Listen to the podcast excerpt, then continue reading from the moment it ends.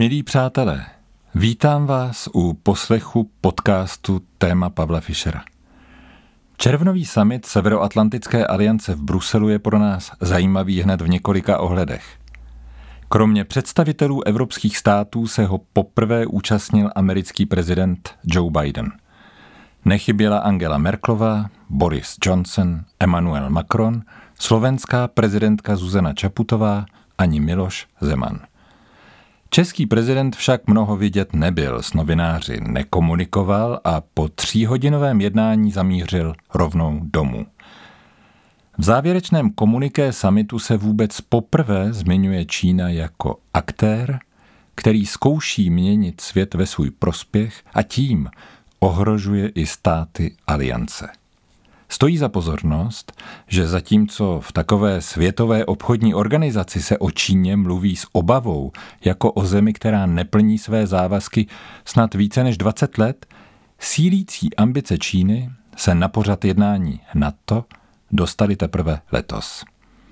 Čína urychleně zbrojí, buduje vlastní jaderný arzenál prosazuje těsnou spolupráci vojenského i civilního sektoru, aby rychle předstihla ostatní a osvojila si nejnovější technologie. Vojensky spolupracuje s Ruskem a jedná s cílem měnit pravidla mezinárodní spolupráce. Ambice Číny se začínají týkat nejen jejího sousedství v Ázii, ale i celé Afriky a dnes i Evropy. Není to však Evropa, kdo by chtěl Číně mluvit do jejich záležitostí. Je to Peking, který expanduje do Evropy, aby si zde zajistil snadný přístup na prosperující trhy a osvojil si potřebné technologie a to mnohdy nevybíravými způsoby. V textu komuniké se však nejčastěji objevuje slovo Rusko nebo ruský dokonce více než 60krát. Proč tomu tak je? Tvrdý jazyk vůči Rusku se v dokumentech NATO objevil v roce 2008 po ruské okupaci Gruzie po okupaci Ukrajiny v roce 2014 a po otravě Skripala na jaře 2018. Nyní se zde zmiňuje i Bělorusko, které se po leteckém piráctví Alexandra Lukašenka stalo novým ohrožením pro Evropu. Především se však v textu mluví o solidaritě s Českou republikou v souvislosti s výbuchy ve Vrběticích. Dokud Rusko nebude respektovat své mezinárodní závazky, dokud bude pokračovat v pokusech destabilizovat demokratické země, zvyšovat vojenskou přítomnost podél hranice s Ukrajinou, a to bez jakéhokoliv varování a informování, jak zní povinnost členských států OBSE, do té doby bude představovat hrozbu pro členské státy aliance a také pro naši zemi. Počty provokací podél hranic aliance, ať už na moři, ve vzduchu nebo na zemi, narůstají. Dá se říci, že vztahy mezi státy Aliance a Ruska nejsou vůbec dobré. A jaká je situace v oblasti česko-ruských vztahů?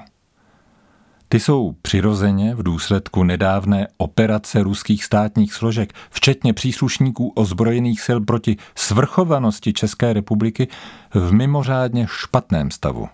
Operace ve Vrběticích byla v přímém rozporu s mezinárodním právem a zásadami vtělenými do smlouvy o přátelských vztazích a spolupráci mezi Českou republikou a Ruskou federací. Musíme trvat na tom, že je to ruská strana, kdo dosud platnou smlouvu v řadě ustanovení dlouhodobě nenaplňuje nebo jedná dokonce přímo v rozporu s nimi. Ať se nám to líbí nebo ne, Česko-ruské vztahy do značné míry určuje také zahraniční politika prezidenta. Při své nedávné návštěvě Rakouska Miloš Zeman prohlásil, že Rusko patří do Evropy a že by Evropská unie měla spolupracovat se všemi státy světa a nikoho nevylučovat prý ideologických důvodů. V tomto bodě se však Miloš Zeman fatálně mílí. Tady nejde o ideologii, ale o bezpečnost. Když někdo vtrhne do chalupy, dynamitem odpálí stodolu a zabije přítomné, jde o životy, o ochranu majetku a soukromí. Jde čistě o bezpečnost.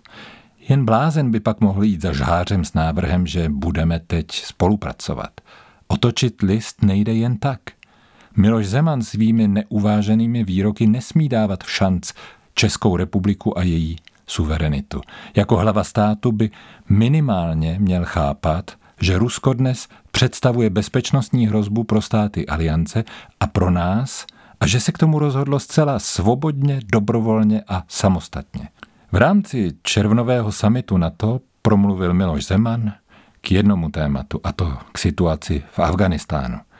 Ani slovem nezmínil incident ve Vrběticích, ani nevyjádřil poděkování za solidaritu, kterou spojenci prokázali tím, že se za nás postavili. To není jen nezdvořilost. Je to další významné selhání Miloše Zemana v čele státu, které znamená další mezinárodní ostudu pro Českou republiku. A přitom je opravdu významné, že nás, členské země NATO, v závěrečném komuniké tak jednoznačně podpořili. Doslova vyzvali Moskvu, aby Českou republiku spolu se spojenými státy vyškrtla ze seznamu nepřátelských zemí a vyjádřili jasnou solidaritu s Českou republikou po útocích ve Vrběticích. Alianční státy tím dali najevo, že plně stojí za námi v krizi, kterou Ruská federace mezi Moskvou a Prahou rozpoutala a že za námi stojí i navzdory konání, či spíše nekonání českého prezidenta a vrchního velitele ozbrojených sil. Nyní je řada na nás, abychom ukázali, že jsme spojencům rovnoceným partnerem. Nemůžeme dál spoléhat, že nás někdo bude chránit i proti naší vůli. Není možné, abychom brali vlastní obranu a její modernizaci na lehkou váhu, Zastaralost naší armádní techniky může způsobit nekompatibilitu s výzbrojí ostatních spojeneckých armád. V důsledku dalších škrtů v obraném rozpočtu hrozí, že česká armáda nebude schopna součinnosti.